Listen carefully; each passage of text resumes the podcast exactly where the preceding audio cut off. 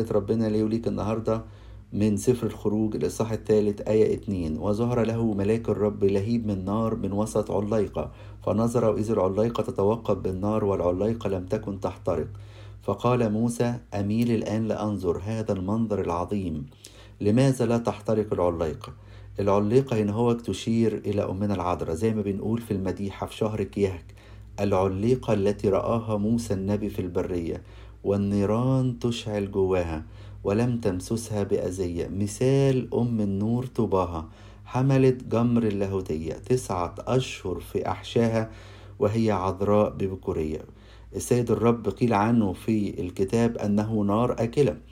فالعليقة هنا إشارة لأمنا العذراء مريم والنار هنا إشارة للاهوت. كمان أمنا العذراء مريم بتشبه بالحمامة الحسنة. الحمامة دائما رمز للسلام.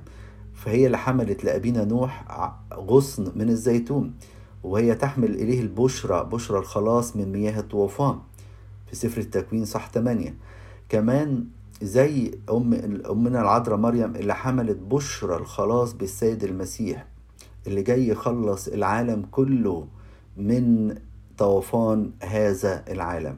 عشان كده بنلقب أمنا العذراء بالحمامة الحسنة وتلاقي أبونا لما بيخرج بره قدام الأيقونة يبخر يقول لها السلام لك أيتها العذراء مريم الحمامة الحسنة. العذراء تشبه تشبه بالحمامة ليه؟ في بساطتها في طهرها كمان في عمل الروح القدس اللي فيها. بركة صلوات أمنا العذراء تكون معنا. آمين.